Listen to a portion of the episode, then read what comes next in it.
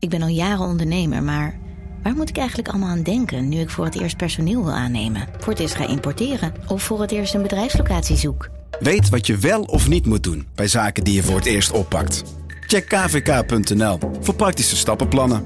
KVK, hou vast voor ondernemers.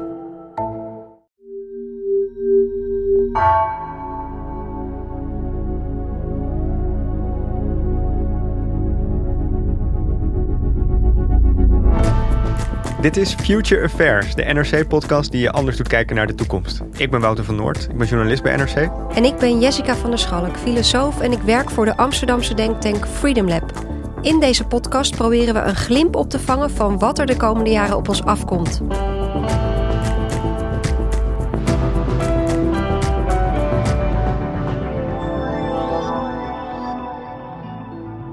Als er iets is wat we normaal gesproken aannemen als de gewoonste zaak van de wereld, is het dat we een ervaring hebben. Bewustzijn, dat het überhaupt als iets voelt om Wouter te zijn. Maar er is de laatste tijd iets aan het kantelen in het onderzoek naar wat dat bewustzijn nou eigenlijk is. Ja, want waar waren we gebleven? Bewustzijn was gewoon hersenactiviteit. En toch komt nu weer de vraag op: hoe kunnen materiële deeltjes zichzelf ervaren, bewustzijn hebben? In de neurowetenschap lopen ze de laatste jaren tegen een muur aan. Uh, hoeveel meetapparatuur en scanners de onderzoekers er ook tegenaan gooien, het bewustzijn blijkt niet goed terug te vinden in het brein. En dat brengt steeds meer onderzoekers tot de vraag: waar komt bewustzijn dan wel vandaan? En in de filosofie denken we daar al heel erg lang over na, maar in de hersenwetenschap en in de natuurkunde komen eigenlijk recente bevindingen boven die ons dwingen om op een andere manier te gaan kijken naar bewustzijn en eigenlijk wie wij zijn. Ja, en vandaag hebben we Sarah Durston in de studio. Zij is hoogleraar aan de Universiteit Utrecht, doet al decennia lang onderzoek naar psychiatrische aandoeningen in het brein. En ze sleepte daarvoor al drie van de meest prestigieuze beurzen van Nederland binnen: de Veni, de Vidi en de Vici. Volgens haar moeten we de optie openhouden dat het bewustzijn iets meer is dan gewoon een proces van stofjes en stroompjes in de hersenen. En dat inzicht zet onze plek in de wereld in een heel ander daglicht. En het kan ook een revolutie teweegbrengen in de geestelijke gezondheidszorg, de wetenschap en de rest van de maatschappij.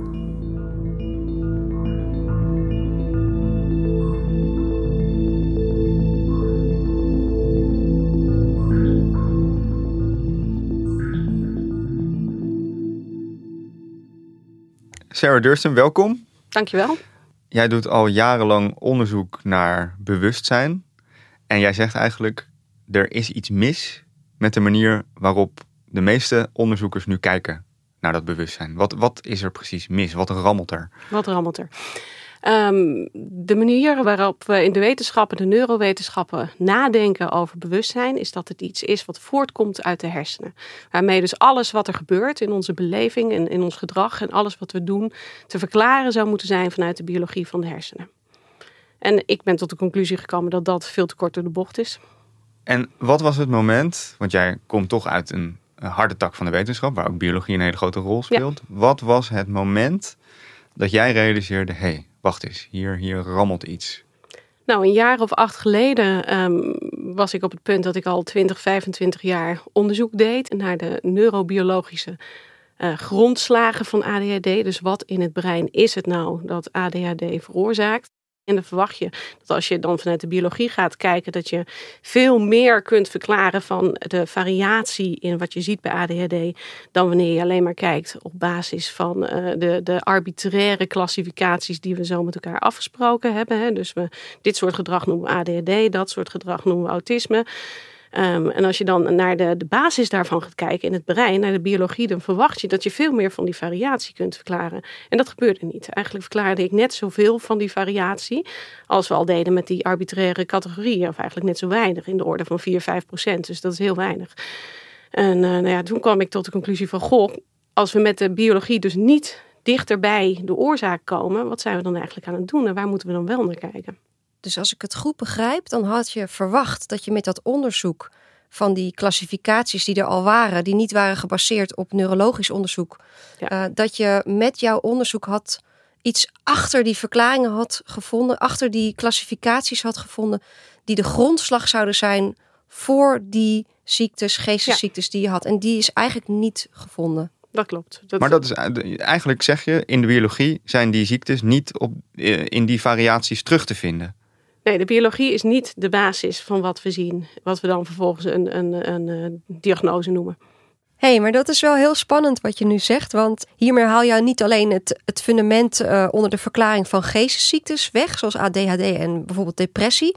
Maar eigenlijk ook de verklaring voor hoe het kan dat wij het leven ervaren zoals we dat ervaren. Ja, de grondslag voor uh, de menselijke ervaring is niet alleen maar biologie. Dat was mijn conclusie.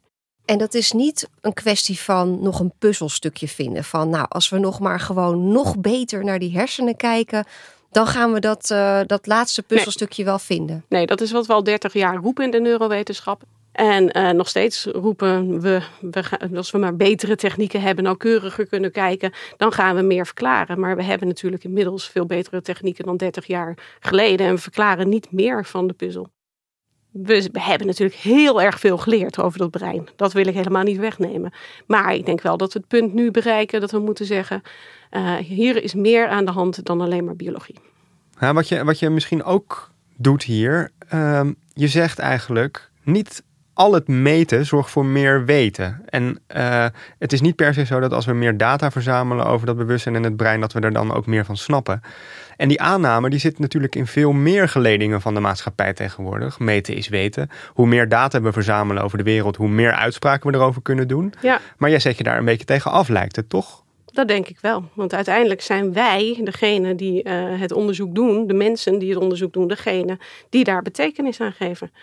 Dat uh, heeft heel veel implicaties voor hoe we met allerlei dingen omgaan. Noem, neem de klimaatcrisis. Hè. Dat is uh, een heel duidelijk voorbeeld van iets waar we, waar we um, verantwoordelijkheid in hebben en ook heel snel tot actie moeten overgaan.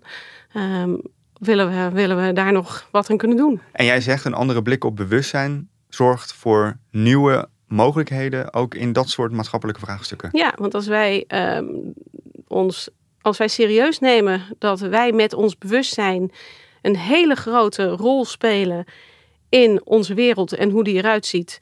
En hoe we met andere mensen omgaan daarin, maar ook met de natuur, ook met uh, andere planeetgenoten.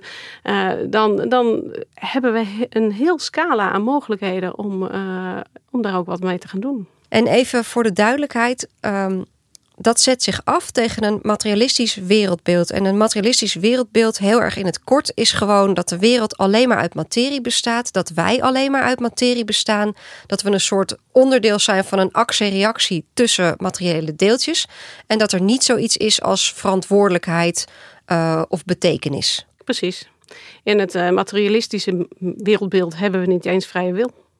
Dus wat er nu op het spel staat, is dat die beleving niet materialistisch kan worden verklaard. En dat we dus misschien op zoek moeten of rekening moeten houden met een niet-materiële verklaring voor hoe wij ons leven ervaren.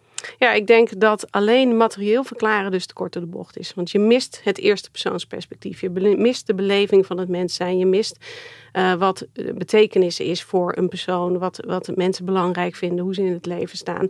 Je kunt naar vragen met vragenlijsten. En dan doe je een soort van poging. Maar je komt daarmee nooit bij de ervaring van die persoon.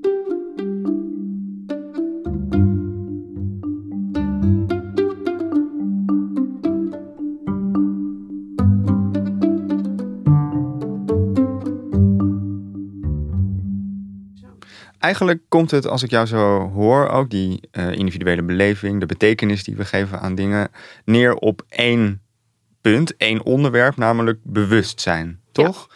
Laten we dan ook even daarin duiken. Even kijken, waarom is het iets waar we ons mee bezig zouden moeten houden? En met name, wat is de definitie? Waar, waar, ja. waar hebben we het over? nou, uitstekende vraag. Er zijn heel erg veel definities van bewustzijn. Een beetje afhankelijk van de van wie het vraagt. En um, als je mij vraagt hoe, hoe, definieer jij bewustzijn, dan hanteer ik eigenlijk um, meestal een twee traps van de ja, geleidende de definitie zou je kunnen zeggen.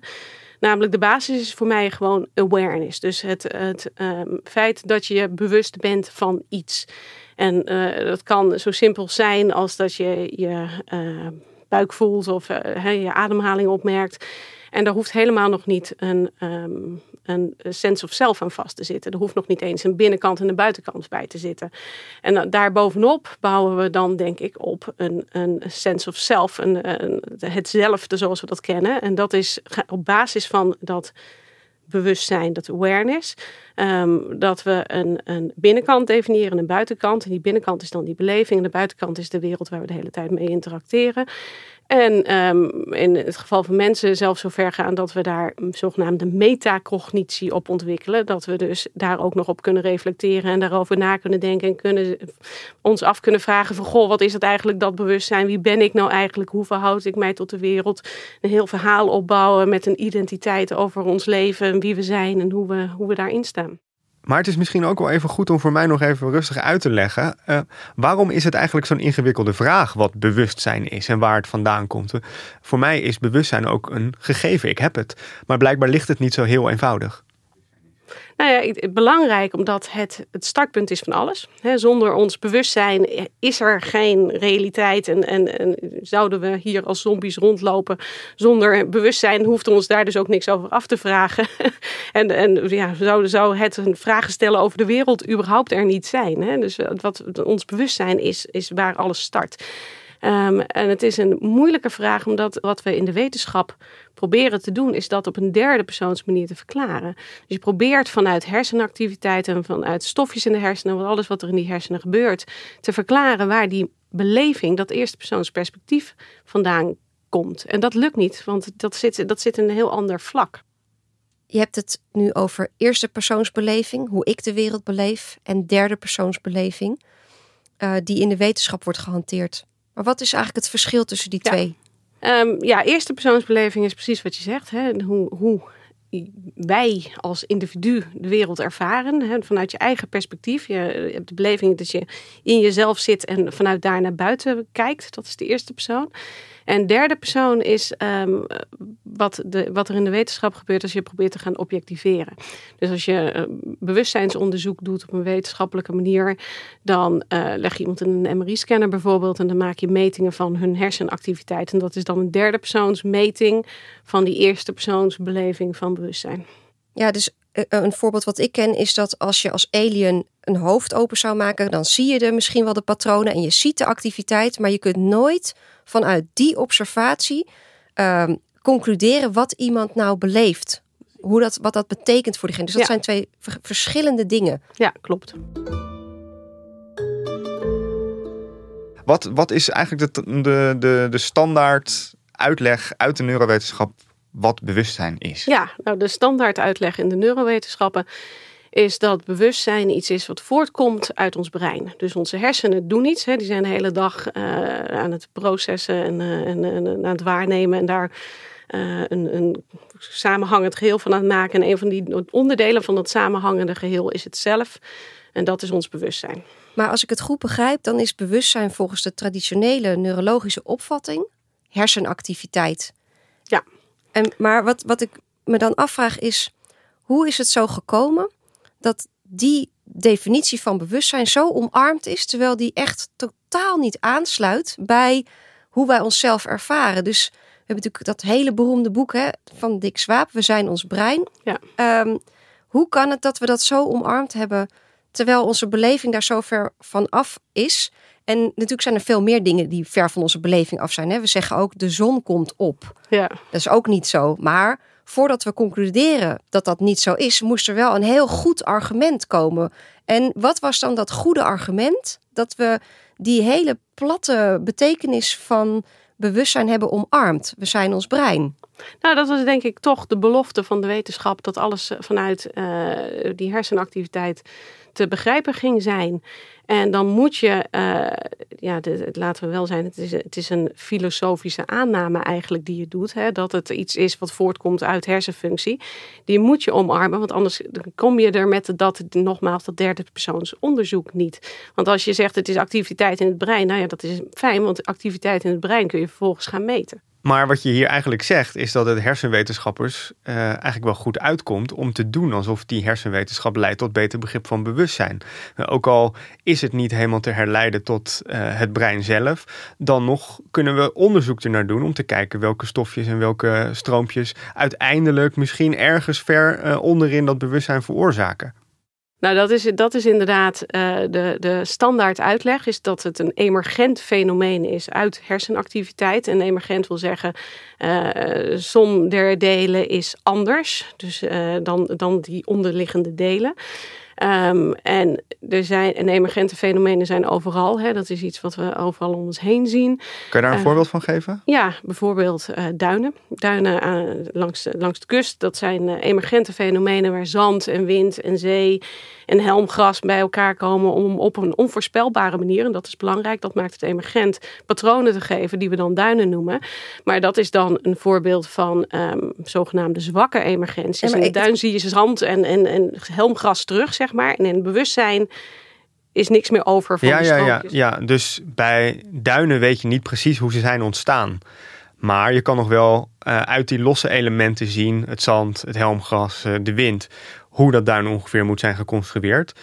En bij het bewustzijn is dat anders, want hoe goed je ook kijkt naar hoe dat bewustzijn is geconstrueerd, je kunt het nooit terugleiden tot individuele stofjes of stroompjes. Dat klopt. Er is geen enkel uh, mechanisme waarmee je kan verklaren hoe je vanuit die activiteiten, hoe complex ze ook in dat brein tot Maar kijk je, dan, kijk je dan niet gewoon niet goed genoeg? Kan je niet gewoon met nog meer meetapparatuur en... Nou, dat is, dat is wat we al 30 jaar doen in de neurowetenschappen. En uh, waar ik dus ook met psychiatrie onderzoek, dus dat ADHD-onderzoek, jaren bezig ben geweest om te denken van nou, als ik nou maar slimmer kijk en het beter aanpak, dan gaan we het wel kunnen uitleggen. En om tot de conclusie te komen, nou, slimmer aangepakt, hartstikke leuk. Ik leer er inderdaad wel wat van.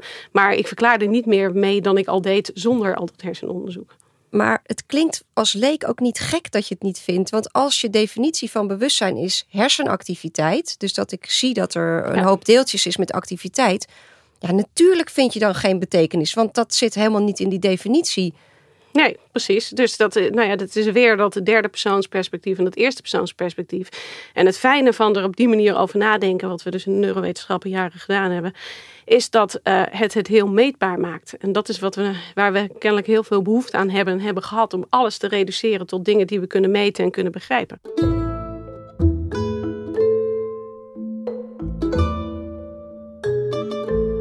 Oké, we hebben dit uh, denk ik vakkundig gedeconstrueerd. Uh, jij zegt, en eigenlijk klopt de manier waarop de hersenwetenschap kijkt naar bewustzijn niet. Hoe kunnen we er dan wel naar kijken? Wat zijn, wat zijn de andere opties ja, die, zijn, die, er zijn? De tegenhanger van het materialisme, dus dat alles voortkomt uit materie, is het idealisme. En het idealisme zegt dat alles geest is. Dus dat betekent dat alles wat we beleven, alles wat we zien, alles wat we meemaken, de hele wereld om ons heen, inclusief alle materie daarvoor, voortkomt uit geest. En dat komt op ons heel gek over natuurlijk, maar dat komt ook omdat we daar helemaal niet aan gewend zijn. Het is een hele andere manier van over de wereld nadenken dan, uh, dan we vanuit de wetenschap gewend zijn. En van idealisme zouden we bijvoorbeeld kunnen denken aan het boeddhisme, waarin uh, ja, eigenlijk ons leven een droom is en, en alleen het bewustzijn is het echte. Precies. Een, een, een, belangrijke um, derde is denk ik het panpsychisme. En dat is het idee dat bewustzijn overal is. En dat het een soort natuurkracht is. En op dezelfde manier dat energie een natuurkracht is. En dat het dus interacteert met de werkelijkheid op een manier die we ook wetenschappelijk zouden moeten kunnen onderzoeken. Omdat het nou eenmaal gaat over natuurkracht. Maar dat zou dus ook betekenen dat uh, objecten, of in ieder geval al het andere leven, misschien wel hele planeten, bewustzijn kunnen ja. hebben. Ja, precies. En voor de duidelijkheid, dat zijn dus twee stromingen die aannemen dat er iets niet materieels is, ja. wat de werkelijkheid beïnvloedt en die de werkelijkheid ook verklaart. Ja, precies. Het zijn, en, die, uh, het, en, en die bewustzijn veroorzaken. Uh, ja, die bewustzijn zijn eigenlijk. Hè. Idealisme is er alleen maar bewustzijn en daaruit komt alles voort. En in panpsychisme is er bewustzijn naast materie en energie en alle andere aspecten van de werkelijkheid dat klinkt mij uh, bizar. Ja. En, en, en uh, niet helemaal kloppend ook met hoe ik, hoe ik zelf de wereld Nee. ervaar, zeg maar. En, uh, maar hoe, hoe kijk jij naar dit soort uitleggen? Neem je die heel serieus? Ja, die neem ik zeker serieus. Ik denk, we zijn um, jaren hebben we op dat materialistische spoor gezeten. Ik kom nu dus tot de conclusie Uh, dat, dat we daarmee er niet gaan komen binnen de psychiatrie. En ik denk ook met het bewustzijnsonderzoek niet. En dat betekent dus dat je andere alternatieven ook uh, serieus moeten overwegen. Want wat, nou ja, ik zei het net al, wat we doen in de, in de neurowetenschap is toch eigenlijk een filosofische aanname over wat bewustzijn is. En vervolgens gaan we proberen met, met dat beeld alles te verklaren. En als dat dan niet lukt, dan moet je dus ook wel concluderen. Het zou dus kunnen dat die filosofische aanname eigenlijk niet klopt. Nou, wat ik me dan toch afvraag is van wetenschap is bezig om te verklaren. Dat is, dat is de hele, het hele uh, uh, rijlen en zeilen van wetenschap. We willen dingen verklaren. Als het dan niet lukt, zoals jij nu zegt, met die materialistische insteek, dan ga je openstaan voor andersoortige verklaringen. Het panpsychisme kan je noemen. Er zijn meerdere verklaringen. Eigenlijk zou je kunnen zeggen dat is ook heel wetenschappelijk om dat te doen. Want verklaringen schieten tekort. Wetenschap houdt zich bezig met verklaringen. Dus we moeten verder gaan kijken. Hoe kan het dan dat, die, uh, dat, dat er zo wordt vastgehouden aan die materialistische verklaring? Waarom is dat dan nog steeds zo dominant? En wordt er gedaan alsof zo'n uitspraak, dat er misschien iets niet materieels is, dat dat eigenlijk niet meer wetenschappelijk is om te zeggen? Ja omdat de wetenschap heel behoudend is met het, uh, het aannemen van, uh, ja, volledige dit soort revoluties. Die, die zijn heel moeizaam. Want je, de, uh, wetenschap is natuurlijk ook een diepte-investering. En je kunt niet bij iedere, ieder tegenvallend resultaat je hele theorie overboord zetten. En je hele carrière. En je hele carrière is ook niet onbelangrijk. want dan schiet je natuurlijk ook niet op als wetenschappelijk eh, veld. Er is een prachtig boek geschreven, volgens mij in de jaren 60 al van de vorige eeuw, door Koen. En die beschrijft ook um, dat de manier waarop wetenschappelijke revoluties gebeuren, dat, dat, um, ja, dus dat er heel lang heel veel tegenwind is. En dat je echt lang tegen de grenzen van, van, van het vakgebied op moet lopen voordat zo'n veld zichzelf gaat herzien. Heb je kort nog een voorbeeld van een eerdere wetenschappelijke revolutie waarin het ook lang duurde voordat er een omslag werd gemaakt? Ja, nou, um, een beetje een oude misschien, maar het, uh, het uh, feit dat de aarde om de zon draait en niet andersom. Hè, dat is ook iets wat uh, waar um, heel lang heeft geduurd voordat daar acceptatie voor was. Ehm. En zie, zie jij het ook een beetje in dezelfde categorie? Revolutie? Nou ja, weet je, ik denk wel dat dit een belangrijke omslag is in ons denken. En of het een, een revolutie wordt van dezelfde orde van grootte als uh, de, de aarde die om de zon draait, dat, dat zullen we over 50, 100 jaar weten. Niet nu al, denk ik.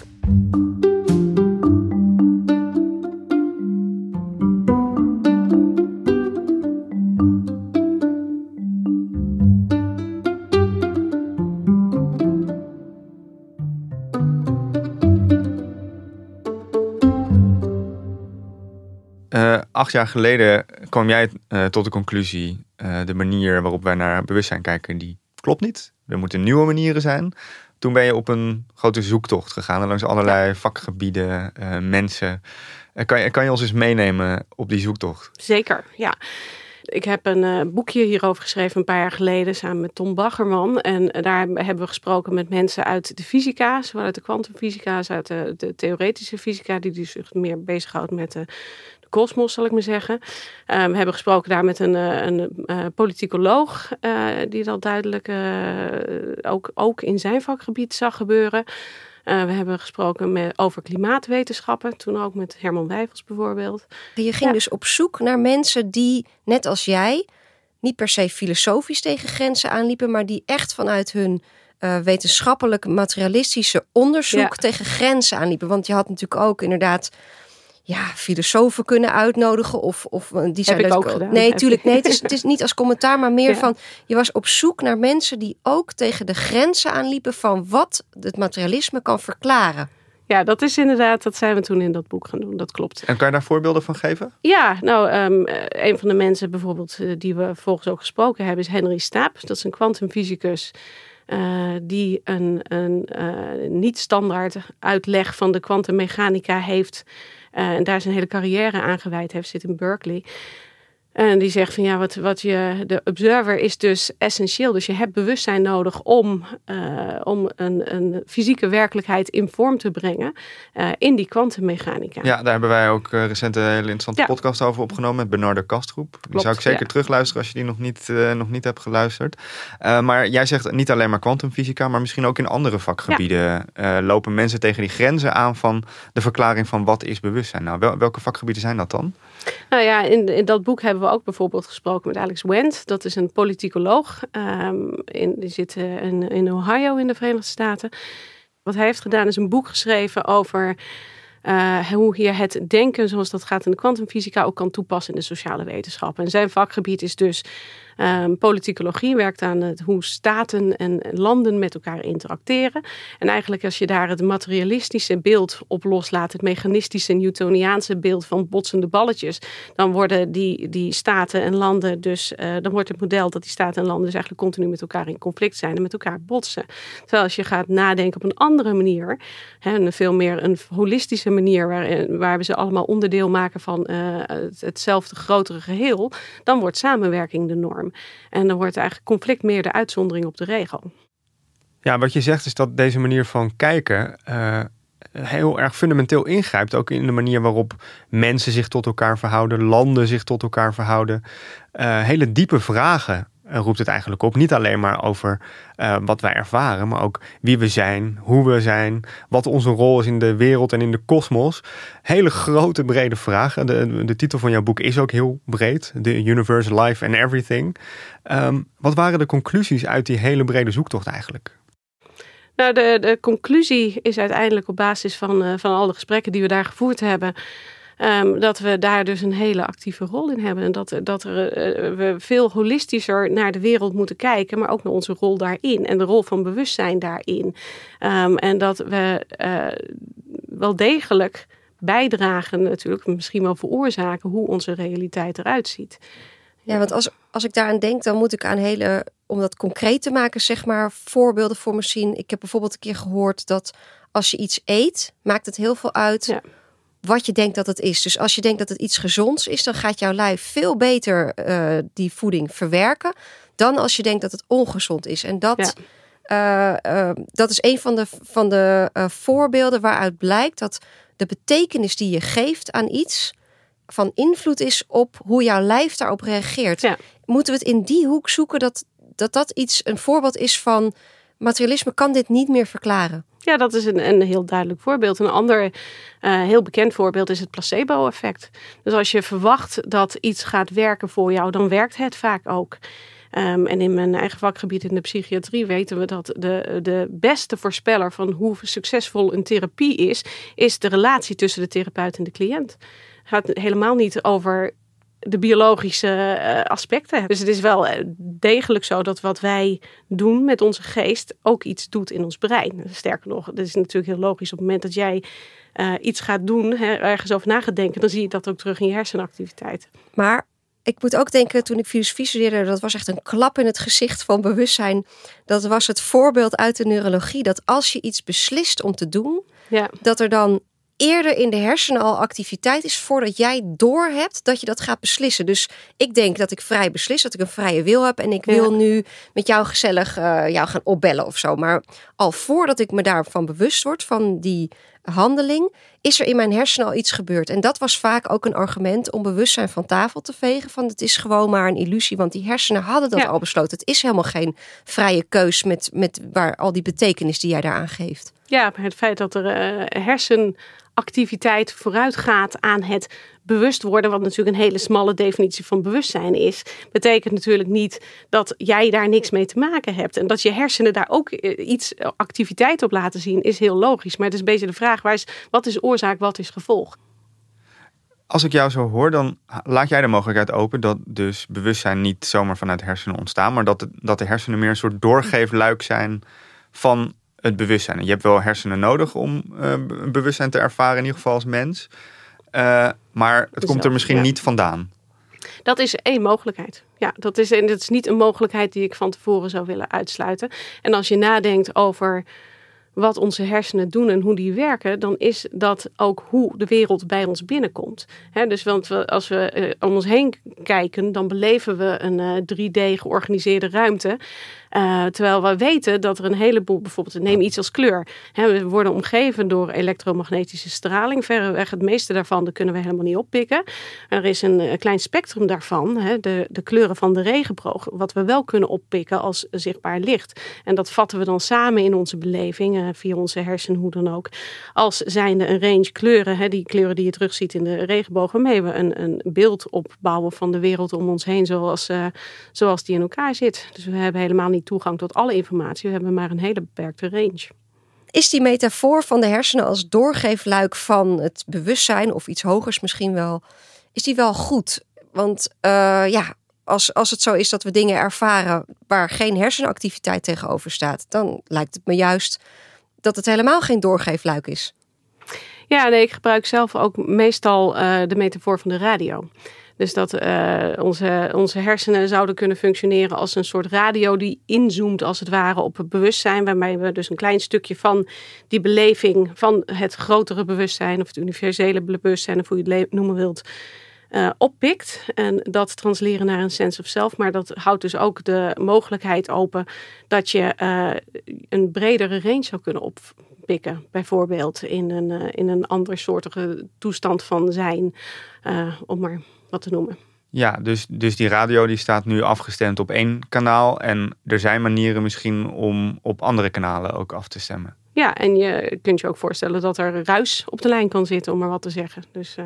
Maar je hebt je hersenen dus in die definitie niet per se nodig om bewustzijn te ervaren. Nee, en, als, uh, dan zit je dus tegen panpsychische of idealistische eh, manieren van kijken aan. En dan worden je, je hersenen worden een instrument om dat bewustzijn te vertalen. Of eigenlijk wordt je hele lijf een instrument om dat bewustzijn te vertalen in de materie. Wat, wat ik fascinerende studies vind, uh, ook uit de neurowetenschap en, en in relatie tot bewustzijn, is bepaalde situaties waarin mensen minder hersenactiviteit hebben, ja. maar meer bewustzijn ja. ervaren. Uh, een bijna doodervaring. Ja. Dan is, staan de hersenen stil, maar dan zeggen mensen achteraf: Nou, dit was de heftigste, meest betekenisvolle ervaring ja. die ik in mijn leven heb gehad. Uh, hoe kijk jij naar dat soort uh, gegevens? Ja, weet je, de, de klassieke neurowetenschap, die ja, wuift bijna doodervaringen weg, zou ik bijna zeggen, door te zeggen: van ja, het is gewoon een zuurstofarm brein en dat gaat dan hallucineren. Um, ik vind dat wel makkelijk, moet ik zeggen. Want het is natuurlijk eigenlijk heel raar dat als je brein zuurstofarm is, dat hij juist meer activiteit gaat vertonen en hallucinaties gaat produceren, sowieso. Plus de inhoud van die ervaringen is over mensen heen en over culturen heen vaak heel vergelijkbaar. En um, ik denk dus dat dit een van de, de dingen is, en er zijn er meer, uh, waar, die ons wel een aanwijzing geven. Misschien is het nadenken op een materialistische manier over bewustzijn te kort door de bocht. En, en, en, welke opties hou jij dan allemaal open? Na die zoektocht, na het spreken met kwantumfysici, met ja. andere uh, wetenschappers. Welke opties liggen er op tafel waarvan jij zegt, die moeten we serieus nemen? Nou, ik denk het hele spectrum van materialisme naar idealisme. Ik denk materialisme sec kunnen we eigenlijk wel zeggen, dit is de korte de bocht. Want dit doen we nu al, uh, al nou ja, ik zou bijna zeggen 350 jaar, sinds Descartes. En, en daarmee verklaren we te weinig. Dus we, moeten, dus moeten misschien ook naar andere mogelijkheden kijken. En ik denk dat we het hele spectrum tot en met idealisme open moeten houden. Uh, omdat anders zetten we onszelf weer in het volgende filosofische aanname. En dan gaan we weer vanuit zo'n zo'n zo'n ja, bril kijken. Die alweer een heleboel deuren dichtgooit voordat we nog maar goed gekeken hebben. Maar als ik jou zo hoor, dan sluit jij het materialisme eigenlijk uit als mogelijkheid. Eh, ik sluit materialisme niet helemaal uit, maar ik sluit het wel in de zin, het zou best nog kunnen dat materie als natuurkracht een rol heeft in de wereld. Ik sluit het wel uit als enigste verklaringsmodel. Ik denk alleen materialisme, want dat heb ik natuurlijk mijn hele carrière gedaan, dat schiet tekort voor menselijke ervaring, menselijke betekenis. Waar dit soort andere ideeën over bewustzijn eigenlijk op neerkomen, is ook dat er dingen zijn die je niet kunt ja. meten, niet kunt verklaren, uh, niet kunt objectiveren. En toch lijkt het erop dat jij dat wel probeert. Jij probeert een wetenschappelijke verklaring toch te zoeken voor dit fenomeen. Ja, interessant. Um, ja, nee, en, uh, wat wetenschap doet volgens mij is proberen de wereld te verklaren in zijn totaliteit. En, en het ultieme streven van wetenschap in mijn beleving, is toch dat we een sluitende verklaring hebben die de hele werkelijkheid bevat. Want als we zeggen we zijn stukjes van de werkelijkheid die we uitsluiten, dan hoeven we ook niet in wetenschap te beginnen. He, dan alles waar we, niet, waar we niet snel genoeg achter komen, kunnen we dan achter de muur van dat gaan we toch niet verklaren zetten. Um, dus als je streven is om een volledige objectieve verklaring van de werkelijkheid te leveren, dan moet bewustzijn daar ook in zitten.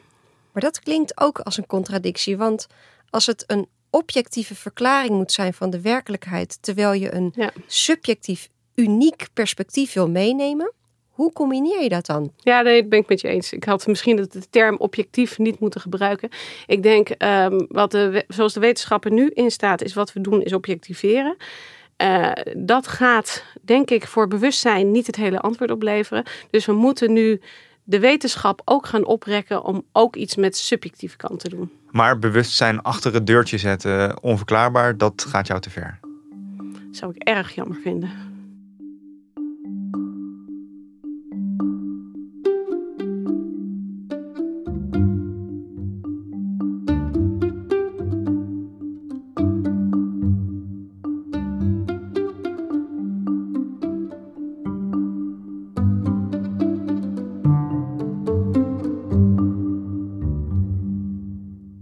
De, de implicaties hiervan die gaan van uh, nou ja, de kwantumfysica tot de politicologie tot diepe vragen over, over het leven. Ja. Uh, even weer terug met de beentjes op aarde in jouw hele aardse vakgebied, namelijk gewoon de geestelijke gezondheidszorg. Hoe, hoe uh, gezond zijn mensen in hun hoofd? Ehm, wat voor implicaties heeft het daarvoor? Nou, een uh, benadering die holistischer is, waarmee je de hele persoon meeneemt, heel belangrijk is. En dat is iets wat in de praktijk natuurlijk in de geestelijke gezondheidszorg ook al heel veel gebeurt. Het is een, uh, behandelaren gaan een relatie aan met hun cliënt en gaan praten over hoe ze betekenis geven aan hun leven en aan uh, de dingen die ze overkomen. Dat gaat, het, is, het is niet zo bottom-up in de praktijk als er wordt gesuggereerd dat het is in de wetenschap. Nou is een wat bredere holistische aanpak in de psychiatrische zorg niet per se heel nieuw. Alleen wat ik wel hoor is dat het nieuw is uh, dat we ook maatschappelijk gezien uh, dit soort verhalen en wat ziekte is en wat de rol van bewustzijn is in uh, psychiatrische ziektes anders gaan benaderen. hoe zou je dat dan concreet zien in de manier waarop ADHD bijvoorbeeld wordt behandeld? Nou ja, een van de uh, dingen waar we denk ik um, ons heel bewust van moeten zijn, is do doordat we zelf onze werkelijkheid vormen, hè, als maatschappij ook bedoel ik nu. Dus we hebben impliciete waarden en normen. Die zie je vervolgens ook eigenlijk terug in die, die diagnostische klassificaties die we hebben in de psychiatrie. Hè. Dus het feit dat. Um, ADHD zegt iets over hoe druk een kind is, maar het zegt ook iets over wat we vragen van kinderen. Namelijk dat ze de hele dag op school op hun billen gaan zitten in de klas en naar de juf luisteren. Um, dus op het moment dat wij ons bewust worden dat we dus ook uh, waarden en normen in de maatschappij opleggen, die dus, en die dus ook projecteren op individuen, dan hebben we daar een verantwoordelijkheid in als mensen. Ja, ja en daarmee, daarmee scheppen we ook een soort werkelijkheid waarin die uh, aandoeningen zich manifesteren waarin die zich manifesteren. Bovendien maken we het, de manier waarop we er nu over praten, met dat hele biologische bottom-up verhaal, maken we het iets van dat kind en, en zijn brein. Dus we zeggen tegen een kind, jij hebt ADHD, jouw brein werkt anders. Dat gaan we fixen. We stoppen er een pilletje in of we gaan het op een andere manier aanpakken. Maar dat is heel wat anders dan we hebben een maatschappij waarin we kinderen graag willen, uh, goed op school willen hebben. Dus we willen ook graag dat je in de klas zit en oplet. En daar koppelen we bepaalde verwachtingen aan. Bovendien kun je hè, een duurdere oplossing voor ADHD is een, uh, een veel duurder schoolsysteem waarbij je kleinere klassen hebt en uh, meer aandacht kunt geven aan individuele kinderen. Tegelijkertijd zijn dit soort ideeën in de loop van de afgelopen decennia wel eens misbruikt voor, voor allerlei zelfhulptheorieën, de secrets uh, bijvoorbeeld, waarin werd gesteld, nou eigenlijk kun je alles sturen met je bewustzijn. En uh, kanker is een illusie. Even heel plat samengevat. En als je maar anders dat bekijkt, dan wordt het vanzelf opgelost. Terwijl daar, is toch wel wat, daar zijn wel wat kanttekeningetjes bij nee, te plaatsen. Nee, er zijn zeker wat kanttekeningen bij te plaatsen. En dan trek je het ook weer helemaal terug naar het individu. Dus dan wordt kanker een individuele strijd waar als je die verliest, dan, dan is het je eigen schuld. Ja, zeg dan ben je maar. een loser. Ja, precies. En dat is, dat is natuurlijk, dat gaat heel ver. Dat is, dat, um, ja, terwijl waar het veel meer over gaat, is het grotere collectief. We hebben het ook gehad over uh, zeg maar hoe we als maatschappij kijken naar ADHD, om wat, te noemen. En daar doen we heel veel mee. Dus ook de manier waarop we kanker benaderen is heel belangrijk. En het, is een, eh, het gaat veel te ver om te zeggen, alles moet alleen maar vanuit de geest gestuurd worden. En je zou nooit meer gebruik mogen maken van, van psychiatrische medicijnen bijvoorbeeld, of van, uh, van antikankermedicijnen. Dat is, dat is weer de andere keerzijde van de medaille. Alleen alle nadruk en uh, politiek correcte nadruk op dit moment ligt zeg maar aan die materialistische kant. Waar ik denk, laten we de kracht van de geest niet onderschatten.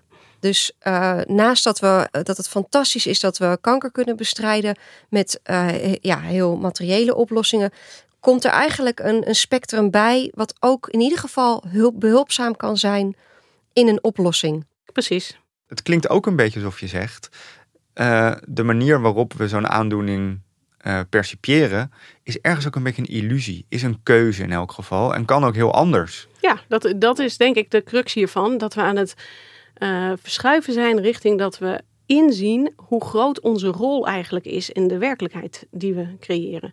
Uiteindelijk bepalen wij met z'n allen hoe de maatschappij eruit ziet. Um, Um, misschien nog wel meer dan dat. Hè? Ik bedoel, onze fysieke werkelijkheid. Als we, als we um, extra bril opzetten met extra lenzen, kunnen we meer van die elektromagnetische straling zien. Daar hebben we dus ook een rol in. Um, en ik denk dat dat iets is wat, wat nu in de maatschappij, maar ook in de wetenschap aan het schuiven is. Dat we dat, we dat beseffen bijhalen. Maar dat is ook als je die lijnen doortrekt. Uh, die bewustere keuze, die andere, meer systemische en holistische benadering die kan hele grote gevolgen hebben, ook voor, ik noem maar wat, de manier waarop we over klimaatverandering nadenken. De manier waarop we over allerlei uh, manieren nadenken waarop we de wereld inrichten. Zie jij dat ook voor je, dat deze revolutie, als die uh, inderdaad werkelijkheid wordt en na, na tien, tientallen jaren touwtrekken en de oude orde die je nog tegenhoudt, maar uiteindelijk buigt. Wat gaan we dan zien in, in de komende decennia van deze nou revolutie? Precies dit. Ik, ik, dit is de reden dat ik hier uiteindelijk een boek van gemaakt heb drie jaar geleden. Ik dacht, dit is nu belangrijk. Want we hebben nu de klimaatcrisis. Hè, en het is uh, twee voor twaalf, of één voor twaalf. Ik weet het inmiddels niet meer. Ja, twaalf uur misschien wel. Ja, twaalf uur misschien wel. En uh, de enige manier waarop we dit nog gaan redden, zeg maar, is als we onze verantwoordelijkheid hierin nemen en ook zien hoe ongekend onze mogelijkheden eigenlijk zijn ik bedoel, eh, er kwam corona en, en maandenlang hebben we nauwelijks vliegtuigen in de lucht gehad. Het kan wel. Ja, je noemt heel veel um, zaken die wetenschappelijk onderzocht worden. Hè? Klimaat, corona. Maar als we dan even teruggaan naar die wetenschap, hoe wordt die straks dan bedreven? Want op dit moment uh, is wetenschap toch ook vooral empirisch toetsen. als ik iets kan aantreffen in de werkelijkheid, in de materiële werkelijkheid, dan kan ik het toetsen. Maar hoe gaat dat dan straks? Want jij zegt nu dat we de optie open moeten houden dat er ook invloeden zijn die niet materieel zijn. Dus hoe gaan we dan straks wetenschap bedrijven? Ik denk dus dat wetenschap geïntegreerder moet worden met het, de hele belevingskant. Dus dit eerste persoonsperspectief. Um, en dat we, dat we uh, het wil niet zeggen, laten we dat derde persoonsperspectief helemaal wegdoen. Het tegendeel, dat is heel nuttig. Daar leren we ook heel veel mee. Maar we moeten ophouden te doen alsof we het hele eerste persoonsperspectief gaan kunnen verklaren vanuit de derde persoon. Uh, en die twee perspectieven, die staan dus nu ja, naast elkaar. En, en, en er is een soort uh, gevoel dat de wetenschappelijke de juiste is. Terwijl ik denk, ja, weet je, wacht even. We beginnen allemaal hier in het eerste persoonsperspectief. Dat is hoe we de wereld beleven. Dus laten we de wetenschapper terugzetten en de mens terugzetten in de wetenschap. Het gaat allemaal over betekenis uiteindelijk. En ook in de wetenschap zijn we betekenis aan het toekennen. We doen alleen alsof dat niet zo is. En ik denk dat we er heel goed aan zouden doen om ook betekenis de wetenschap weer binnen te laten. Uh, waarmee we ja, ook daar dus de verantwoordelijkheid kunnen nemen voor wat we aan het doen zijn. Ja, we zijn de komende jaren nog niet klaar met, uh, met deze mindshift. Uh, nee, dat denk ik niet. Nee. Dankjewel, Sarah. Graag gedaan. Bedankt dat je luisterde naar Future Affairs. Wil je horen hoe andere pioniers en toponderzoekers denken over onze toekomst? Dan kun je nog veel meer afleveringen vinden in de gratis NRC Audio app of via nrc.nl/slash podcast Future Affairs. Je vindt daar iedere twee weken een aflevering die je anders doet kijken naar de toekomst. Deze podcast is gemaakt door Ruben Pest en Jeppe van Kesteren.